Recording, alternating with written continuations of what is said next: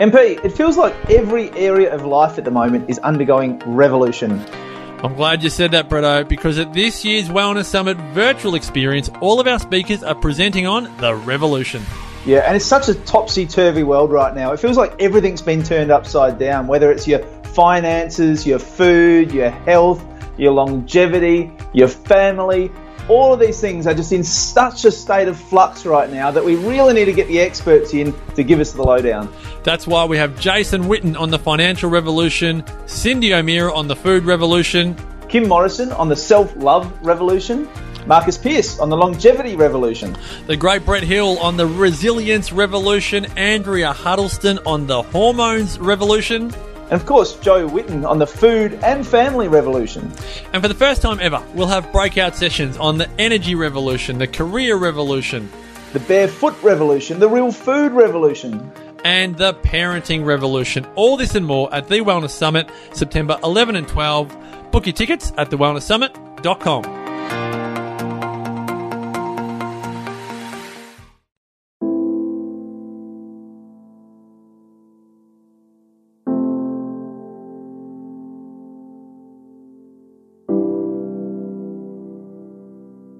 Welcome to Nourishing the Mother, where inspired women talk about the journey of motherhood through the common thread of parenting, relationship, and sexuality as a path to consciousness.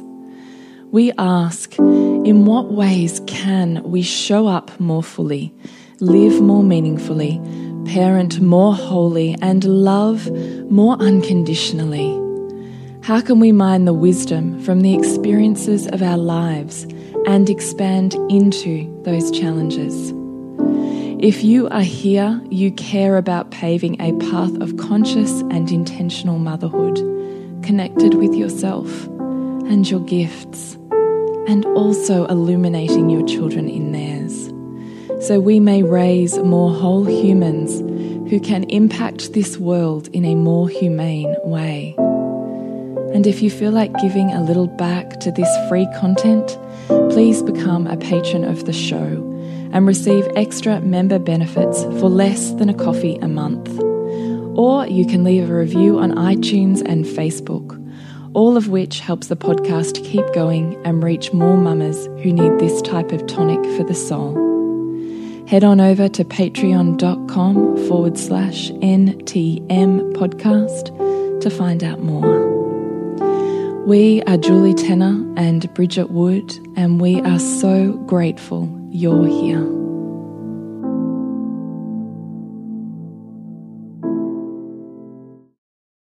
Hello, and welcome to Nourishing the Mother. I'm Bridget Wood.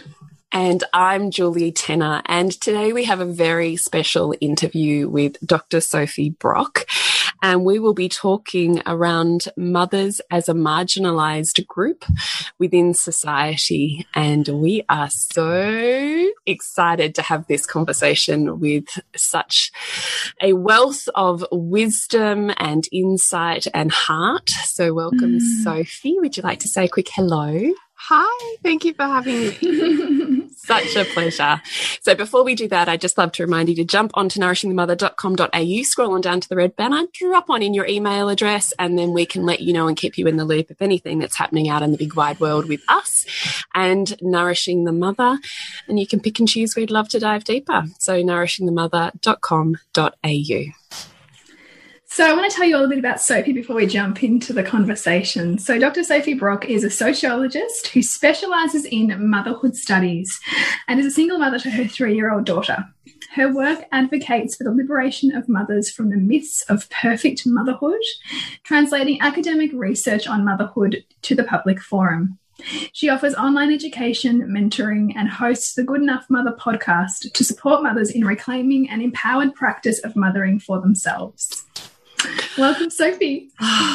Thank you for having me. And I mean, I think I basically have to start by acknowledging you two and nourishing the mother because I oh. honestly do not think I would be doing what I'm doing if it weren't for you two. and I know I I gush over you two, um, but honestly, this podcast has been yeah, life changing for me. And I think it's really shown the power that we actually have as mothers individually and collectively mm. in being able to make enormous shifts in individuals' mm. lives through collectivizing and coming together. I remember the first email we got from you and it hit our inbox and I read it just like clutching my heart. And then I sent it to Julie. I said, look at this woman, like, you know, such a story and then such incredible, you know, breadth and depth of knowledge around mothering. Like, and I think I was so excited to see your academic lens on motherhood too, which I'm super excited for us to get into. So, Sophie, what I'd love to start with is you came on um, gosh, we've been a couple of months ago now, I think in our soul driven, driven motherhood group, and you did a workshop in there around the cultural constructions of motherhood. And I would just like, I was like, oh my God, I love this. And I was messaging Bridget, I'm hitting pause and I'm messaging things. I'm like, oh my God, what about this sentence? You know, it was like, we were like, I was hacking out this, um, what I actually thought was an incredible workshop within there. And I was so deeply inspired by the wisdom and the way in which you spoke about motherhood and, and how you pulled all of those points together. And so I'd written down a few here that I was like, yeah, that's what it is. And I'd never thought about it before, you know. so I thought perhaps we could start by I could just read a couple of those to you, and then you can just see where it where it leads for you. Oh, yeah, that uh, sounds okay. good. So, mothers as a marginalized group. And initially I was like, are they though? Are they really a marginalized group? Because as a white woman of privilege, it's hard for me to wrap my head around that, particularly when I'm mm. really um, spending as much time as I can really investing in what um, the experience is of marginalized communities mm. and how that's reflective, you know, of us culturally and certainly of our family narrative and, you know, all the things. And so to then contemplate that potentially I sit within a group that is also marginalized, initially I was like, oh, I don't know about that. I'm like this mm. white woman who sits upon a huge amount of privilege that I'm completely aware of, you know? but I just want to hit into these points. And I was like, yeah, God, I, I like get that, you know, that there's a stifling if they um, are voicing opinions out in the big wide world, that there's unheard pain and suffering, that there's joking around more complex issues that the pay gap of a mother versus a non mother is a real issue, and that mothers don't get a seat at the political table. And I was like, yeah, true, mm. true, true, true. And mm. I just honestly those those words that's why I wrote them down because for the rest of that afternoon I was like I just kept ruminating on them and sitting with that and I really felt the impact and the power of feeling into the truth of what the cultural construction, is you um, have very eloquently coined, being the way that I view myself then in the world and what an impact that actually has and how even I had silenced myself really or stifled my voice because of that marginalization that I'd never acknowledged. Mm. So I just want you to know that that was a really powerful awakening for me and I really loved your words.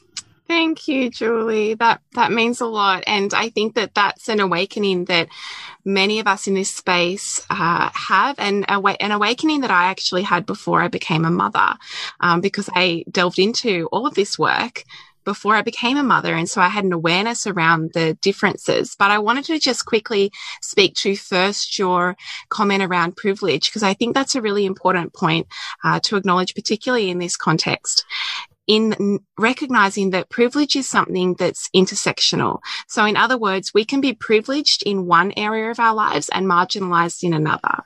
Mm. Um, and the dynamic of that is really complex and it's actually one that is it, it is alluring to simplify it it's alluring to say this group mm. here are marginalized and this group here are privileged this group here holds the power mm. and these are the ones who are subordinate but in reality it's so much more complex than that um, if we want to talk about uh, racial privilege and marginalization based on race we also need to talk about marginalization based on sex. You know, we can also talk about marginalization based on disability, of, on your ability. Uh, we can also talk about it in terms of ageism. Mm. We can talk about it in terms mm. of socioeconomics, where you were raised, the level of education your parents had. I mean, all of these different things go into shaping and making up our way of being in the world, how we experience the world, how we see the world, and how the world sees us. Mm. And so we can both be privileged as white women who are middle class, who are heterosexual, who are married. All of those things feed into what privilege means. But there's also a bunch of ways that you can experience marginalization. And so the way that I talk about and frame motherhood is to recognize that motherhood is a social class and a social role and a social positioning in the same way that race is in the same way that sex is, in the same way that your economic status is. Mm. When women become mothers, they enter into a particular social class, a particular social location. And when we don't name that, when we invisibilize that and we just pretend that that doesn't exist, then we make invisible the struggles that mm. mothers go through. And you can't face and change what you don't acknowledge. And the next mm. layer of this that I know that we'll get into talking about is this operates so perfectly in a sense because mothers hold so much power. And so it keeps certain groups of society and society running in a certain way. It keeps that functioning by convincing us that we don't have that power. Mm because oh because by us by us being disempowered we're very malleable and you know at the mercy of the systems that rely on us. But because we well, don't have a strong voice it, it yeah. and it, it keeps the pre yeah and it keeps the pre-established yeah. construct of power intact. There's no challenging or superseding of that. Yeah. Mm. yeah. And if and if you don't give women an understanding of the identity transformation that motherhood creates then you leave them lost. And and when you're lost you're not in your power either. Like you're kind of still trying to clamoring you know trying to clamor for some sense of who you are. Mm. so you're swept up in in that that unraveling and trying to find something to hold on to because our culture doesn't recognize or support that transformation. Yeah so i wondered sophie if you could just because i love that that idea of the invisibility and what you keep invisible then can't change by virtue of the fact that you're not aware of it. Can you just tease mm. out a little bit for me what that means to experience invisibility or to be invisible within a cultural context? So, what it means is that in particular context, naming your experience of being a mother or naming the challenges you face as a mother would be ridiculed, dismissed, uh, potentially put you in danger, potentially put your put the position you're currently within under threat. So I'm thinking workplaces here and the ways that we compartmentalize our role as women in mm. workplaces um, and kind of hide away our motherhood. And it's not a judgment on when we do that, but it's a recognition that we're doing that purposefully knowing that the role of being a mother is one that is attached to particular meanings. And part of the problem that I see socially is that I think that we've equated our power and our liberation with the rejection of motherhood.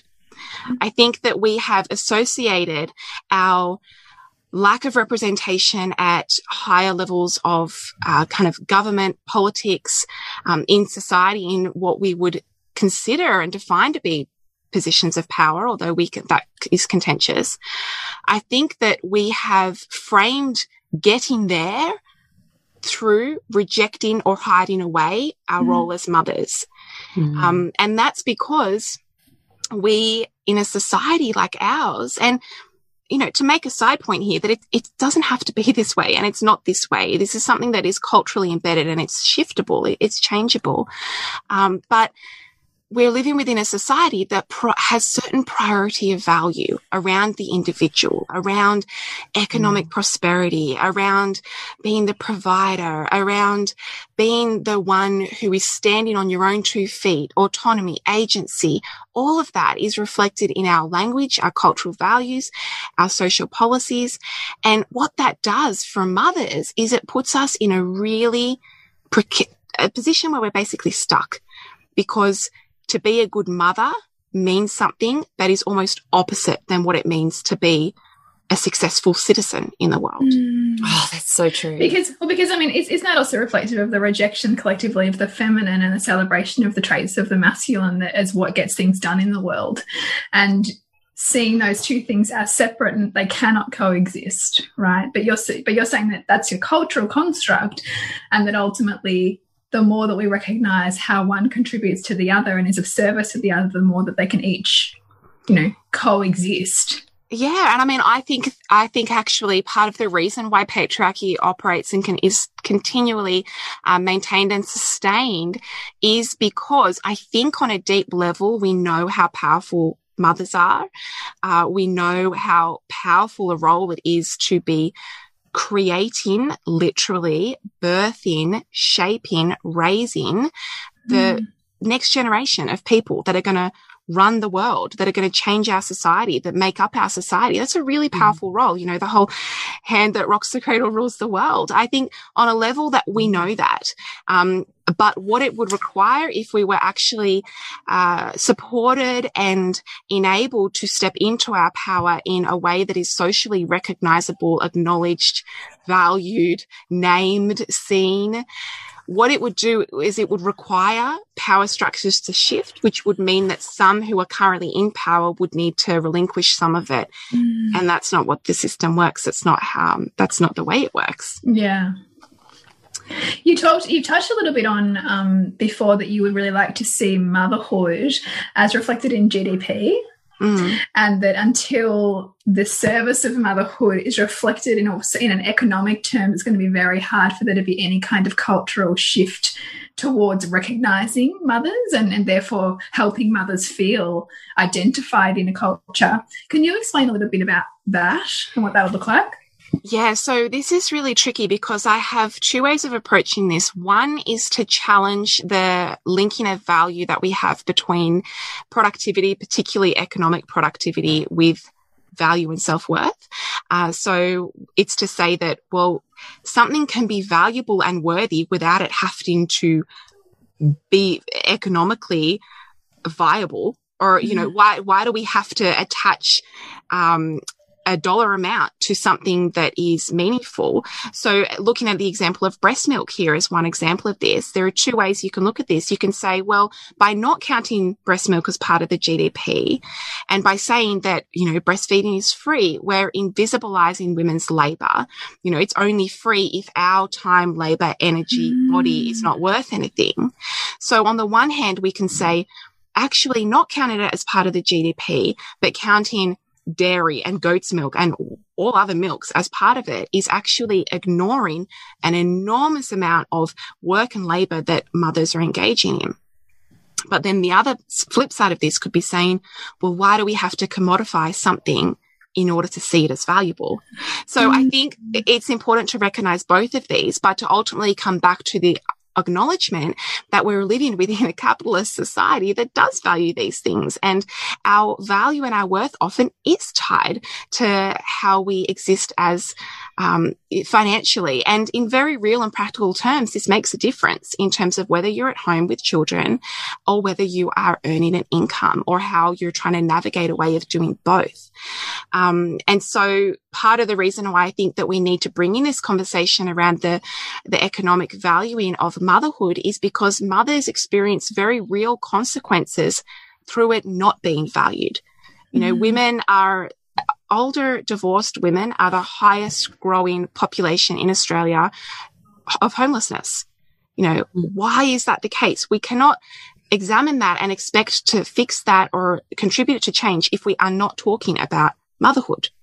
Um, and I think this is why it's so important to bring this to the, to the front of our conversation and our consciousness when thinking about social change, because so many of the issues I believe that we face in terms of our social justice and, and inequalities, particular, um, you know, gender disparities, I think we, we have to be talking about motherhood. Motherhood affects more women than any other feminist issue.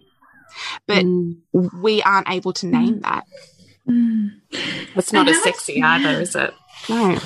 And I think because of the, the, nature of feminism and as some voices in the feminist movement, you know, in the 70s, cast out motherhood and, and saw it as, as this place where women go to feel repressed, has actually in and of itself been a repressive um, tool, right? And and just like feminism was almost forgotten about birth, they've they've kind of haven't taken motherhood under their wing either. No, feminism has uh, obviously acknowledging again there's all different types of feminism. Um, but uh, talking about kind of mainstream liberal feminism i believe and, and other maternal scholars argue as well has has forgotten about mothers. Um, and in many ways not just forgotten about mothers but cast mothers out. Um, look at any major if you are looking at any feminist events panels you know film festivals anything that is attaching itself to the label of being a feminist uh, organization or pursuit of, of justice for women, I'm always curious to notice whether the language of motherhood and the needs and specific experiences of mothers are ever considered or recognized or even part of the conversation there. And oftentimes they're not. Truth. I just, I, I'm like, yeah, because there's so much of what you say that I feel like I just need to let it sit in my body and be like, yeah, yeah. like, I really hope if you're listening to this podcast too, that maybe you might slow it down and listen to it a couple of times and mm. just hit pause and let it sink in. Mm. Because I do think sometimes there's a, a potency of conversation of which I think that you're bringing here, Sophie, that really does deserve and need time to almost distill and render down into your own being and psyche so that it can be birthed into a manifestation that moves outside of you. But it's kind of got to shake the ground 1st does doesn't it? And land somewhere for you that rings truth and sometimes to shake out some debris in the process Yeah. before it becomes a larger scale movement. What would you like to see as social change in the construct of um, the cultural paradigm of motherhood as, as it exists at the moment? Oh, a lot. Um, I think because I have been in this field of thinking for a long time, even though I'm a relatively new mother, I have a three year old. Um, Actually, sorry, can I just press pause on that conversation? Just come back to you. I would love for you to share because I know I've heard it in Soul Driven Motherhood, but I would love for you to share how you did this work before you became a mother yeah. and in academia how that was um, responded to because I found that fascinating. Yes, I me like, too. oh, it makes me angry. yeah, yeah. Share that. All right. So I'll pick off, pick up from that conversation and weave that in there. Right. Um, okay. So I think it's impo- important first off to recognize that I, I do realize these, these conversations can be felt quite potently because they speak into our everyday lived experience. And when someone is speaking into that, yes, it can open up space for exploration and opportunity for change, but it also can be, uh, really painful at first as well. To, yeah, like destabilizing. It's like destabilizing. Yeah. yeah. absolutely. Um, and so there's lots of changes that I would like to see for, for mothers to be made culturally. Um, but also important to recognize that how you may be receiving this will depend on your current social location and it will depend on your where you currently are in your motherhood. It will depend on the ages of your children if your children have additional needs or not. Um, how we hear our information and how we listen to conversation beyond this obviously is is dependent on those factors. Um, there was a really also a beautiful quote um, i can't remember who said this but they said something to the effect of how i speak is influenced by how you listen and so, you know, you can listen to the same thing multiple times and pull out different meanings according to where you are. Um, and that perhaps relates into talking a little bit about what brought me to this work and recognizing that even the way that I relate to this and understand these concepts has shifted and changed, and it will shift and change again. Um, I dived into this work before I became a mum. It was in my, I did my uh, bachelor's degree and actually interestingly, whenever I had a, a choice of topic, it always came back to motherhood in some way. It's always been an interest of mine. In high school, I had like my major work looking at Sylvia Plath and her diaries around motherhood and analyzing women's work and perceptions of motherhood. So it's just always been curiosity. So good. Um, I but- often think we should go back to work out who we were before we realize who we before we decided who we think we are. Yeah. you know, like I was reflecting. I have this. Sorry, I'm gonna I'm gonna side note just to go. Please go and do that because I often think even when we think about VCE or you know if there was any studies that you did back then, what was your fascination? So I loved clay art. I loved modeling clay, and I modeled all these pregnant bellies. Yeah. And I have some of them sitting around in my garden now because what are you going to do with a whole bunch of sculptures of, of pregnant bellies? And I was walking past one the other day going, Ah, I remember at the time the joke being, oh, I hope she doesn't get herself into trouble. This is a bit of a fascination that could go the wrong way type of Ooh. cultural context. Yeah. But I just loved the shapes and the majesty of the body. And I'm like, and I ended up being a birth worker. Like, mm. maybe we should just go back before we decide who we are in the world, you know? But, and, and, to, and to look for the thread, in fact, I was on a, I was teaching and training this morning and I was talking about our children's values and how how to map them and see them. And I was explaining how when I was three, I've still got the plate, like you know the melamine plates. Yeah, yeah. And I and I remember at the time I was always drawing houses, and the houses I drew are the exact same house I live in now. And oh my home, god! Exact, like same chimney in the same spot, windows in the same spot, you know. And home has been a and and houses and that fascination with anchoring into family has been a common thread in my life. And so I think going back and finding those breadcrumbs is really powerful. So, oh, side note, but I was thinking, yes. of course you were fascinated with motherhood. Like, of course. yeah. yeah. And I think it's, it, well, it's interesting because often our, you know, our interests are shaped by our lived experience as well. Like, it's this dynamic thing. Yeah. Um, but for a lot of women who, you know, didn't have happen to have a particular fascination with motherhood pre-motherhood um, they they get into motherhood and it, it requires you to develop a fascination with it because yeah. you're yeah. living it mm-hmm. um, and so part of how i've moved through the kind of development of my own work and way of being in the world has been shaped by all of those different factors along the way um, and so yeah that that shaped kind of where where i am now in offering this information to others, um, but recognizing too the quite unusual experience of diving into maternal theory and maternal work before becoming a mother. And the way that that was uh, viewed and perceived, I think actually speaks to the broader construction of motherhood because it was perceived with almost a sense of suspicion, uh, with a, estranged from other maternal scholars. You know, I'd go to conferences and be presenting on, you know, motherhood, good mother theory, all of this. And um, we'd be at the conference dinners and they'd say, So you're not a mum? I'm like, No. And they're like, Why are you interested? Mm. And that's really telling. Um, when I was trying to find a supervisor for my PhD in sociology, I had comments saying, like, what is it about this motherhood thing? Like, is it because you just really want to be a mother and that's why you're interested? Again, really telling. What it's saying there is that motherhood in and of itself is not seen as a worthy area of interest. It's mm. not seen as something that is valuable and worthy in and of itself. It's seen as a means to an end, as a performance, as something that you do, as a biological expectation, as all of these other things. Um, you know, we don't go to scholars who are doing, mm. if I give a presentation in a university setting, I can almost guarantee is perhaps too strong, but I can anticipate that one of the questions will be, what about fathers?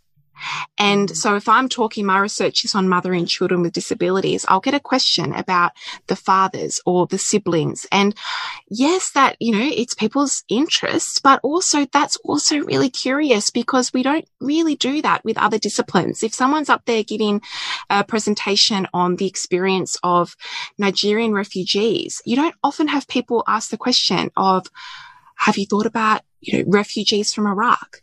Like, in other words, when mm-hmm. we create space to talk about motherhood and we inject value into that and we see that as worthy, creating that space raises discomfort in others and mm.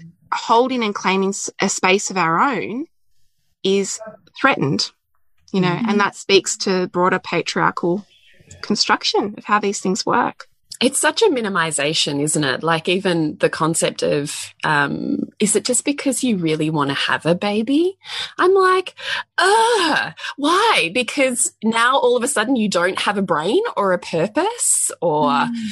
you know, and even that, yeah, but what about all these other people? Like, why are we spending time talking about the mothers when there's all these other people affected in, you know, similar ways? Like, it's that, it's such a minimization, isn't yeah. it? It's a dismissal. And it's, and I actually find it really fascinating because most I love people, you find it fascinating. Fine, yeah. I find it aggravating.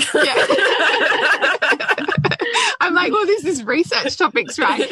But like people, people have been mothered in some way, even if they didn't have a biological yeah. mother, they've been mothered or mm. they've experienced mothering. They are mothers. A lot of women, most women are mothers. They are mothers or they perform mothering work, caregiving work for others in their community. This is something which I think is relevant to almost everybody to be thinking and, dis and discussing that you'll know a mother even mm. in your mm. workplace. I mean, it has very broad application and relevance, yet it's seen as like, oh, just a, a curious little side interest there. Mm. What do you think is the value in having conversations like you do now? I know, I know, that you also run a membership group and workshops and programs specifically dedicated to this area of research and really expanding women's knowledge and insight into the cultural perceptions that they themselves are programmed with. With the view too, when you know it and see it, you have a voice then to shift it and change it. Mm. What is it? Hang on, I just lost my question then. How did I start that? I went off on a rant thinking about the change. How did I start that question, Bridgie? Do you know? You didn't no, really. It's gone for your head. Like in my head, I had a question. You know, this happens in my head, and I disappear off into no man's land. Um, the purpose, maybe the purpose in why we, I don't know, what can come out of conversations. Yes, that is what I wanted to ask. Yes. So when women sink into these conversations, what do you notice happens within them and what would be the purpose of having these conversations? How does that create more freedom for women rather than just something that's interesting to you know dabble in? Yeah well it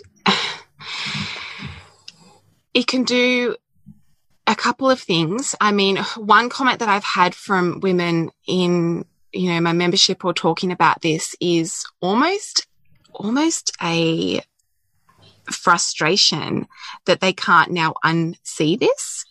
So mm. once you adopt this lens and once you have this level of awareness and understanding, you start seeing it throughout your everyday experience, not only in your own behaviors and your own beliefs and your own perceptions, but you start witnessing it in others as well. And you also start noticing all of the ways that we're for lack of a better term, shoulded on by others. And mm. previously, if we didn't build in an awareness around that, it can feel quite comfortable. Um, oh, it's just the way things are done. This is just how it is. This is just part of being a mum. Um, and you just, you know, you roll with it, right? With potentially mm. a bubbling under the surface sense of discontent or dissatisfaction that you don't feel the safety to raise. But once someone actually names this and says, Hey, this is bigger mm. than you. Uh, this is this is actually a result of quite functional structures that are in place. And this mm. is about something bigger than you that can at first feel quite uh, daunting and unsettling. And it can also be, you can be left with almost at first a sense of powerlessness, but I would argue it's a step towards your own reclaiming your own power. But like, oh my gosh, this is going on everywhere around me. I see it at school. I see it in the sleep mm. industry. I see it mm. in my mm. community. I see it in my mother's group. I see it in my friendships. You start seeing it everywhere. Mm. And so it can be really overwhelming at first, um, which is why I think it's so important to be able to connect in with others who are in this space of kind of consciousness raising around this because we can't do it alone. It's not something that we can confront alone. We need others. Mm. Do you think that we're able to free ourselves from the good mother theory? Do, I mean, can you just give us a little, maybe yeah, a little summary around what that even means and how we all carry aspects or versions of it and how we start to use your work and the cultural narrative to step outside of that? So, at a really basic level, um, there's a difference between this is what, um, you know, feminist scholar and uh, poet Adrienne Rich spoke about in her book of Woman Born, which basically was like the birth of maternal theory. Um, she makes a distinction between motherhood as the social structure, as the institution, she calls it, and mother in as the experience, the doing.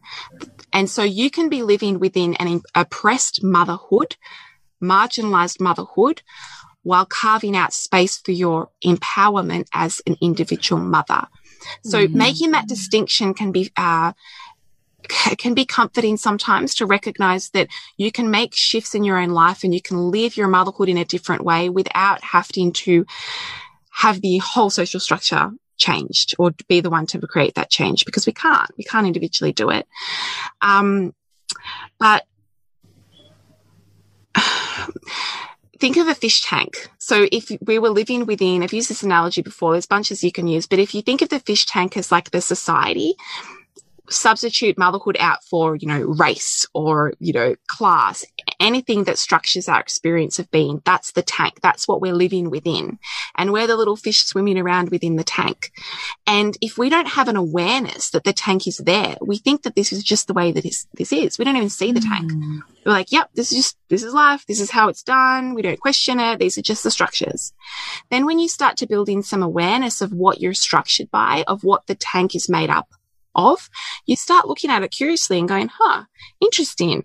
The tanks here, I don't actually have as much freedom as I thought I did in the way that I swim. Then you start noticing what the other fish are doing and you're like, huh, curious. They seem to not realize they're in the tank either. Um, mm. and some do, and some are swimming a different way. And that makes me feel really uncomfortable. Why is that? Some are trying to like, swim at and bash into the tank. Like, what are they doing? That's really disruptive. Can they please just stop doing that? It's really mm. threatening my sense of safety. Um, Such a good analogy. And um, such a good analogy. it's so loving it. It's so unacademic, but like it makes sense. Um, and for the layperson over here, it's perfect. it's great. And so what we're doing in raising awareness of this work is we're first raising awareness of the tank that we're within. Mm. We're examining the tank and we're looking at all of the things that make it up. So what is a good mother? What, what does the tank say? Oh, it says that she should get married before she has kids. Oh, she's, she's a white woman. She's white. She's middle class. She's heterosexual. Um, she always puts her kids before herself. That's what a good mother does. She's self-sacrificing. She doesn't complain. She loves motherhood. She's fulfilled by motherhood. She's content by motherhood. No, she doesn't get angry. She doesn't yell. She doesn't lose her temper. That's not what a good mother does. Like you can probably mm. already notice as I'm saying this, the ways that you have recognized, potentially internalized or rejected some of these expectations. So to, mm. if you ask yourself, what does it mean to be a good mother and write out a list of all of those different traits? If we were to write them up on a whiteboard, there would be lots and lots of similarities because we're living within the same society that dictates what, what it is to mean.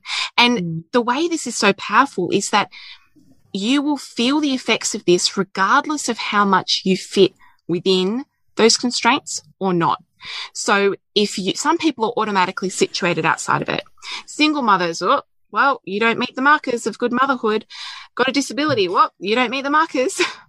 Yeah, and I wanted to ask you about that actually. Mm. I mean, I'm happy for you to continue and then come back to it. But mm. that was one of my questions was as a single mother, how does this work sit for you and your experience of yourself within already mm. a marginalized group? But please. Yeah. So, so, um, we have all of the different ways that we fit within or don't.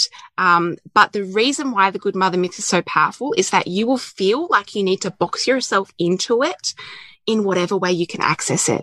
So, oh, I'm a single mother. Don't meet the requirements there. I'm going to be really self-sacrificing. I'm going to give my everything to my daughter because I can't give her the perfect idealization of what it means to be a good mother. So mm. I'm going to try and make it up for it in these other ways. Mm. And so that will play out in all different ways depending on where you're situated within this. But the catch is, is that no mother exists that fits within all of the constraints. There is not a person who exists that will meet all of the requirements of perfect motherhood. And it's designed to be that way because if we could fit within the constraints, the constraints would end up dissolving mm. because they wouldn't so be purposeful. So when you say that it's designed to be that way, who designs it? So where does that come from and why is it continued to be perpetuated and what might it look like if we were to personify that as a room full of people? What are the levers that they're pulling? what are their motivations? Like in a really simplistic answer like patriarchy like that's how it, it works. So the the ways that we're uh we're embedded within a construction of good motherhood like exists for a good womanhood as well. Um mm. it even it exists for for what a good man is as well. I mean patriarchy isn't just about the disempowerment of mothers. It, it goes mm. far beyond that. It's a structure and it's a system. Um but the reason why it's been able to be maintained is because there are kind of the elites who are in a certain position of power who make the rules. And it's not necessarily even done. I sometimes think that if we try and talk about, we have a, a yearning sometimes to talk about broader social structures in a personified way because bringing it down can make it more accessible to see mm. and to mm. talk about. But I think sometimes when we do that, um, we can kind of simplify something that's too complex. Can't and when we simplify, when we simplify, it's easy to just say, all the blame's there. Let's just put it all there. Let's just, you know, if only, you know, the, the school policy was, would change, then it wouldn't be this way mm. anymore. Like we can have a yearning to do that. And in, in reality, the uncomfortable truth of it is, is that we also perpetuate this as mothers. So we're complicit in it. So, and because I think back to my time working in media, media advertising and sales and, you know, grocery buyers as the category is like the biggest category. It's the biggest buying category. Like the mother's eyeballs are the most profitable eyeballs that an advertiser wants to access.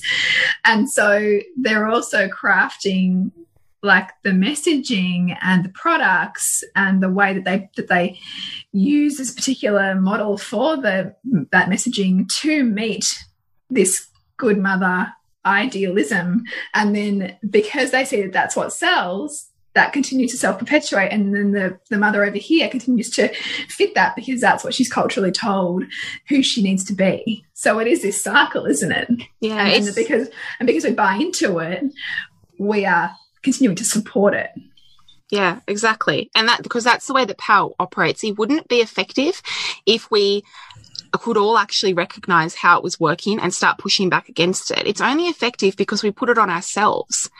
It's not, yes, we feel judgment from other people and yes, we have expectations and we deal with little comments and all of that. And that's all symptomatic of the perfect mother myth, good mother ideology, however we want to term it.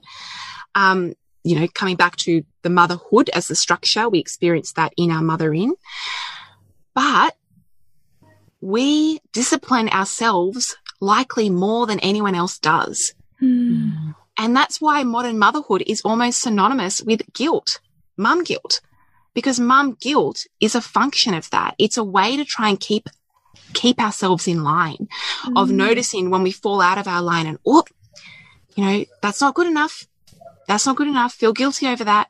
And it's, as you said, Bridget, like it's a, it's a self-perpetuating cycle because we feel it from mm. others, we do it to ourselves and we do it to other women as well. Mm. I have a question on how this these social and cultural con contracts around motherhood change generally generationally and how so many mothers listening I know will have issues with their own mother or their mother-in-law and the comments that might come in or the perceived judgments or the relationship issues. And how much are those also consciously or unconsciously reflective of the constructs within which we're playing? Because generationally what it meant to be a good mother 30 years ago has shifted and changed now. And many of our mothers and mother-in-laws can't understand what all the fuss is about, right? To be a mother today. And then they can take that um, to heart or take that personally, which can then be a source of conflict. So, can you talk about how that, you know, overlays relationally? Yeah, so I think the first point I wanted to make is just a real acknowledgement and recognition that it goes beyond social construction, even with our own motherhood. Like, this is my thing. This is the thing I talk about. Yeah. But this isn't the only factor, you know, yeah. even, even with our own sense of guilt and all of that, it's not just social construction. It's also our childhoods and like all of that and the mm. amazing work that you two do, you know? And so recognizing that it's the same with mother relationships with women who have mothered in generations before us. Um, but how it plays out culturally is that to be a good mother, what it means now means meant something totally different to what it meant you know 50 years ago there's some fascinating research that i shared recently that showed that working mothers today are spending more time with their children than stay at home mothers did in the 1960s. that's so, that's so That's fascinating. and so, isn't that fascinating? Like, yeah. we have such this idealized version of what it was to be a stay at home mum, but it simply wasn't what it is now. No, no. And the, the almost irony is that we are feeling the most amount right now, we're feeling the most amount of guilt in motherhood about not spending time with our children at the same point that we're spending the most amount of time with our children than we have oh before, God. kind of historically. So, I mean, we have to ask ourselves what the purpose of this is here. Mm. Um, and all of the ways that it's because of the birth of intensive mothering ideology, the good mother myth. It's, we have extremely high expectations placed on us and that we place on ourselves that did not face mothers before us. And this has to do with a whole bunch of things like globalization, technology, all of it, a bunch of stuff. Mm. But it's the recognition that yes, we've had increasing technology with things around the house that may make it easier to manage the domestic load compared to, um, you know, grandmothers, great grandmothers. But in many ways, the pressures that we are, are face is way beyond the ones that we faced back then. And not only that, our sense of community and not just, yes, community online spaces is, is incredible and something that we, you know, mothers before us did not have but our lived reality and the communities we're embedded within physically have disintegrated, dissolved, shifted. They don't exist in the ways that they used to. And so we don't have, we were never meant to mother alone, yet that's how so many of us in the modern Western world are mothering. And so if we want to have a comparison between our motherhood and that of our mothers or our grandmothers or our great grandmothers, we're viewing the, the, the lens through which we view our experience is shaped by a completely different social context mm. and therefore completely different social values as well. Mm. So it can be challenging, really challenging. I love this conversation, but I did just want to touch on before we wrap up was the single motherhood experience. Now, obviously, that's not the lived experience of Bridget and I, and it is often something that we are written into about, and our listeners are asking questions around.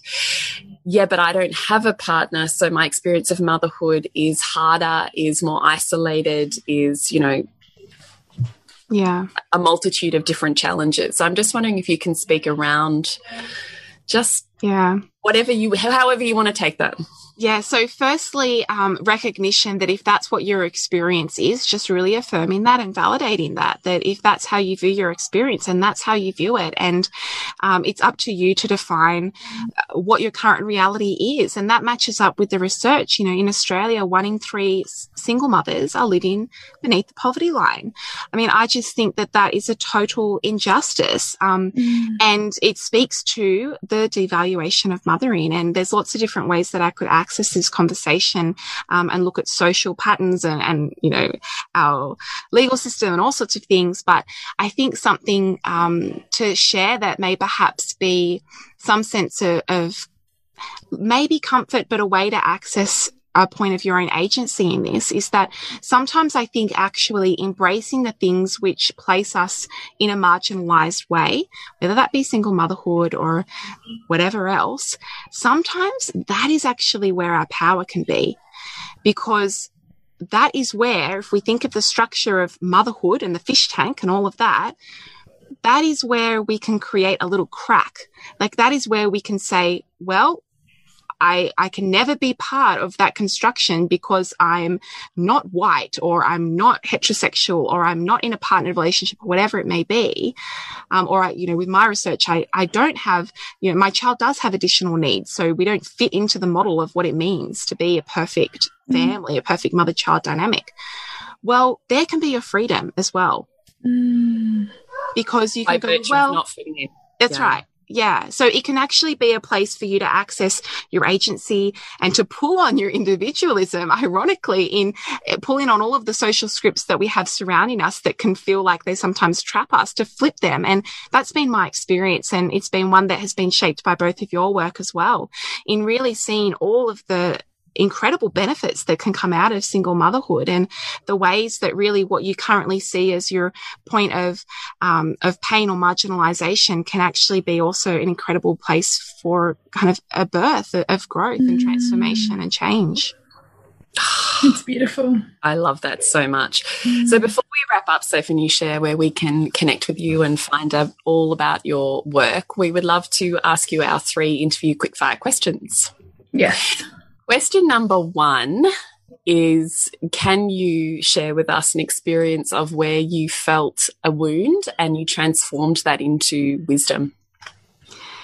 Yeah, so probably relating a little bit to what I just spoke about in terms of single motherhood. Um, and again, this was, you know, impacted significantly through my work with both of you. That my husband, we were together for seven years, wanted children, planned a baby. He was always keen for fatherhood. That was his lifelong dream. All of that. Had a, you know, wonderful life together and uh, got pregnant really easily. And then when I was 41 weeks pregnant, I found a text message. He'd been having an affair. I kind of had a complete breakdown in every way. My labor started. Um, I birthed my baby and basically the birth of her was the like destruction of all of the structures that I knew to be true that I had my safety within. Um, mm. and so I kind of went through this period, um, where basically her birth was the end of my marriage. And I didn't really come to see that in a blatant way until maybe six weeks later. Um, but that, that was my experience of, of early motherhood. And for a long while, I felt really robbed. Um, I felt like it was an incredible injustice. I had a lot of anger and there was a whole bunch of stuff that's attached to that experience. But what I uh, came to realize was, that this is my journey, that this is my path, that it is purposeful in some ways, that it's more complex than we may like to make it out, um, and that we need to embrace the story and the narrative of our lives that most empowers us. And that is one that I chose to do and, and shifting my belief and my understanding of what I've been through and, and who I've come to be as a mother shifting my beliefs around that has shifted and changed my actual experience of it. Um, mm. So that would be the first answer to so big, love that. so powerful. Yeah. Thank you for sharing. Mm. Yeah. The next one is books that have yeah. been most impactful for you that you wish every woman would read in her lifetime, or that if you could, you would just gift every woman as she graduated high school. What would what would that be? Well, yeah, this is such a like wow, big question, right? Um, I for us book lovers, it is. How do you choose? It's like choosing children. How do you choose? yeah, well, okay. So I think I have to mention Adrienne Rich's Of Woman Born. Um, it was published back in 1976, but it has as much it has as much relevance. Um, of Woman Born has as much relevance today as it did back then. But I actually would recommend a book that I recently read, which is Glennon Doyle's Untamed, mm. because I think that it is just a really powerful way of speaking to our experience as women that would be accessible for people who are not mothers, but also provides us as mothers a recognition of that kind of caging that we live within and how to rewild ourselves, how to untame ourselves and, and to move beyond some of the structures we've been talking about. Mm, cool. Good ones. Last question. Do you want to ask it, Bridgie? Yes. If you could have a billboard on any major highway in the world, what would it say? I my first my first response was like something about motherhood, like mothers matter, mothers are valuable, like some sort of advocacy for mothers. But mm. then recognizing that a billboard is something that we individually see and absorb. Um, so probably what I would say is to have on there that you are and that you always have been enough. Mm. You know, that we're already whole, we're already worthy, you know, we're already it. It's just the uncovering of that. Mm. That's that. so beautiful.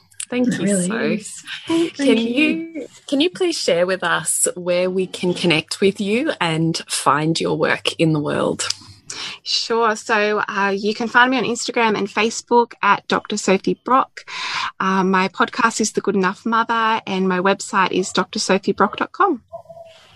Thank you. And you have a membership much. group. I'd love for you to share all programs that you have sure. that women can access to dive deeper into this work. Yeah, so um, I, I, do one on one mentoring and also the membership. And it's basically just a space for us to all come together as women who are mothers, who are interested in diving deeper into this work. And it's called Liberated Motherhood. And I think that kind of speaks for itself, doesn't it? Kind of liberating mm. ourselves from all of the shoulds and reclaiming empowered mothering of our own.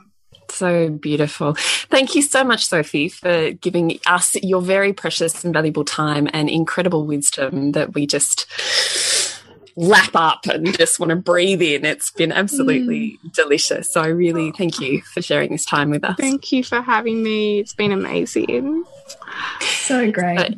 and you can connect with us on nourishingthemother.com.au, Nourishing the Mother on Facebook, Instagram, and Pinterest, and connect with you, Bridgie. SuburbanSandcastles.com. And you, Jules? Is thepleasurenutritionist.com. Remember to nourish the woman to rock the family. And we'll see you next week when we continue to peel back the layers on your mothering journey.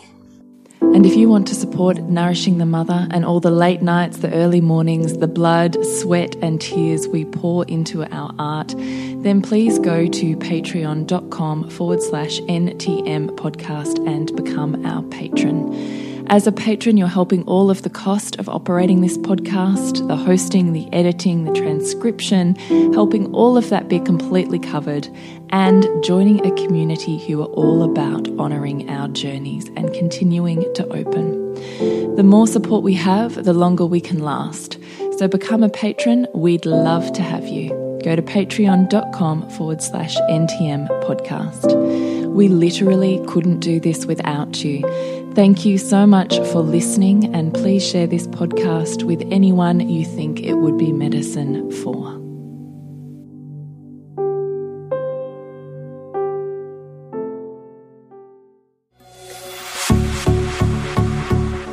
This has been a production of TheWellnessCouch.com. Check us out on Facebook and join in the conversation on Facebook.com forward slash The Wellness Couch. Subscribe to each show on iTunes and check us out on Twitter. The Wellness Couch, streaming wellness into your lives.